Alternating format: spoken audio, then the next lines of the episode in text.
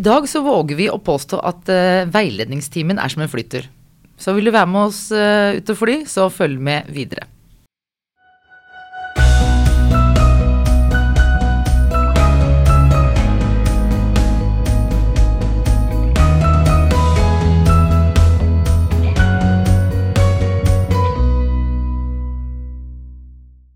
Du lytter til Veiledningshjørnet. Vi er en del av Veilederbua, opplæringskontorets podkast for deg som er instruktør for våre lærlinger. I Veiledningshjørnet hjelper vi deg å fylle verktøykassa med metoder for veiledning, slik at det kan bli enklere og morsommere å være instruktør. Jeg som prater nå, heter Gro Blomdal, og sammen med meg sitter min kollega Lise Ødemark.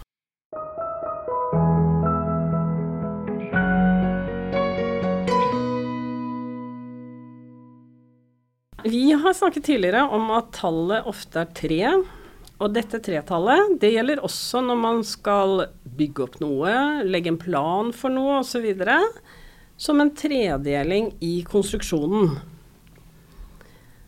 Og alle vi som har skrevet oppgaver på skolen, Lise, enten det er 50 år siden eller 5 år siden, vi kjenner litt til dette.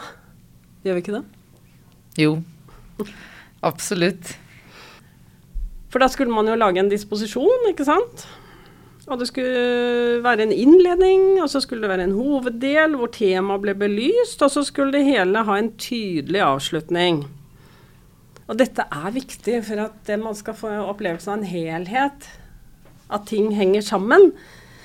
Eh, og det går igjen i mange ting, i klassiske musikkstykker f.eks. Eh, der ble dette grepet brukt. Symfonier hadde f.eks. en tredeling. Artikler vi leser, foredrag vi hører, eh, og til og med vitser. Ja, er, tallet er tre, faktisk. Ja, tallet er tre. Og eh, som en kuriositet, eh, komponisten Schubert han laget en eh, symfoni en gang som kun besto av to deler. Og den symfonien kjenner alle til fortsatt i dag som den ufullendte. Så det vil si at den ble ikke fullført, følte folk. Den avsluttet litt midt i løse lufta.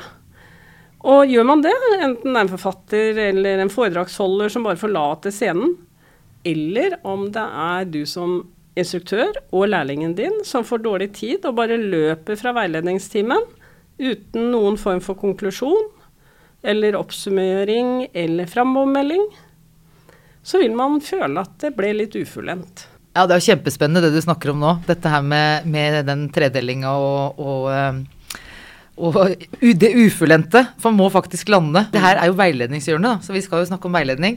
Så nå går vi litt inn på det med Fokuserer vi resten av podkasten på, på um, selve veiledningssamtalen. Og den påstår vi at vi kan se på som en flytur.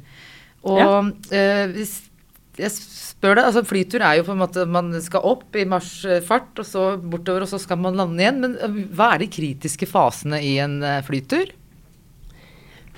Det er jo takeoff og landing. Det vet jo alle som har bitte lite grann flyskrekk, at det er da du skal sitte på vakt på at ingen reiser seg i flyet eller noe sånt, for da må alle holde balansen. Eh, så de delene skal oppleves som behagelig, akkurat som i en flytur. Det skal være rolig, det skal være en myk start og en myk landing. Ja. Absolutt. Og hva, hvis vi da skulle si litt om hva, hva som er viktig i oppstart og avslutning, så, så um, Hvis man tenker oppstarten, da, så er det jo viktig det med førsteinntrykket. Altså, jeg tenker Når jeg går på fly, så står det jo noen der og ønsker deg velkommen. og uh, Noen ganger så er det litt irriterende at de står der, men det er jo egentlig fint. Altså, det er noen som ser deg når du kommer, og, og får se på billetten din. og ja, ikke sant? At det er et, et godt førsteinntrykk på, en, uh, på en måte, da. Noen har forberedt seg på at uh, det skal skje det som skal skje. Ja. Sånn, at, og det er jo kanskje en felles forventning om at uh, du skal et sted, og de har tenkt å fly dit du skal. Ja, og så tenker jeg at det kan være greit å ha en sitteplass.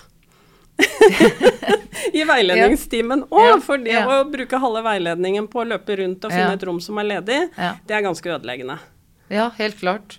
Og, og felles mål eh, er jo alfa og omega. For hvis én vil til Marokko og den andre har tenkt seg til Australia, så, og flyet går til til Istanbul, da, da, er vi ute å kjøre. så, så, at man skal ha felles mål, skal til samme destinasjon, det er jo det er litt viktig å ha avklart på forhånd før ja. man kjøper billett. Gå på riktig fly. Mm. Det er viktig. Og så er det jo turen der oppe i lufta. Når man da har fått en god takeoff, så går man litt på autopilot. Dette er den lengste biten, selvfølgelig, men eh, det er lite kritiske faser eh, der. Det kan komme litt turbulens, det kan det jo i en veiledningssamtale òg. At det stopper opp litt, eller at man må inn på noe som kanskje oppleves ubehagelig. Absolutt. Og det er jo Har du fått tillit i oppstarten? Har oppstarten, har oppstarten vært god? Uh, og du føler at du blir sett, at kapteinen snakker til deg. ikke sant? Selv om ikke du skjønner hva han sier på det kapteinspråket. Så, så ja, han snakker, snakker, i hvert fall. Så du blir sett og får tillit. Da så kan du egentlig ta opp hva som helst oppi det turbulente. Altså i hoveddelen i veiledningssamtalen. Litt urolig luft det mm. gir seg. Absolutt. Og som avslutning, da, hvis vi tenker den landinga på flyturen, når du på en måte har som du sier, vært i den hoveddelen der med turbulens eller ikke, så når du går liksom inn for, eh, inn for landing, så sa du at den måtte være myk. Mm. Eh, sa du hva hva tenker du på er en myk landing? Det pleier jo å gå ganske dårlig hvis piloten bare stuper rett ned. ikke sant? Ja. Og det er sånn eh, Hvis man avslutter en veiledningstime og tenker Å, gud, nå er vi ferdige egentlig, nå må vi bare løpe. Så får man jo ikke landet den uh, samtalen som kanskje har vært god, men som en dårlig slutt da kan overskygge, rett og slett. Mm. Forbered avslutninga. Vær obs på klokka. Si at nå nærmer det seg slutten. Uh, skal vi skal, Kan du oppsummere Ti minutter er vi ved Gardermoen. Ja. Eh, fest setebeltene. Gå. Gå inn for landing. Ja. Så oppsummer litt tema, og det er lurt at lærlingen gjør ofte. Ja. Og kom med en framovermelding, akkurat som vi sier i sånne evalueringer og sånn. Gi eh, noen signaler om hva man skal snakke om neste gang. Ja, for det tenker jeg faktisk er det viktigste i, uh, i en uh, god avslutning. Det ene er å si fem minutter igjen Uh, nå skal vi gå inn for landing. Er det noe du vil ta opp? ikke sant? At man får rom for det før man skal løpe. Men også mm. at man legger grunnlag Altså en god avslutning, det legger veien videre for det neste. Ikke sant? Mm. Kanskje man oppdager at vi, dette må vi fortsette med å prate mm. om neste gang. Eller mm. kanskje man har blitt enige om en oppgave. Da snakker vi om den neste gang, osv.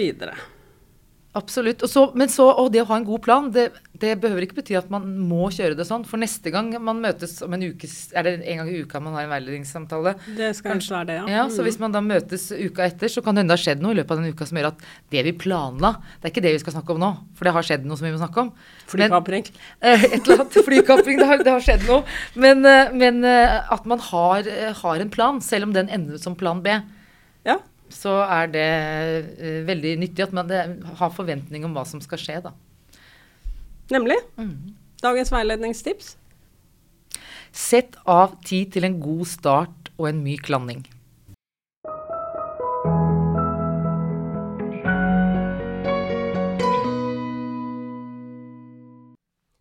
Veiledningshjørnet lages av Opplæringskontoret for helse- og oppvekstfag. Du finner støttemateriell til mange av episodene våre i OLKs ressurssenter. Ta gjerne kontakt med oss om du har innspill til tema for podkasten eller har spørsmål til oss.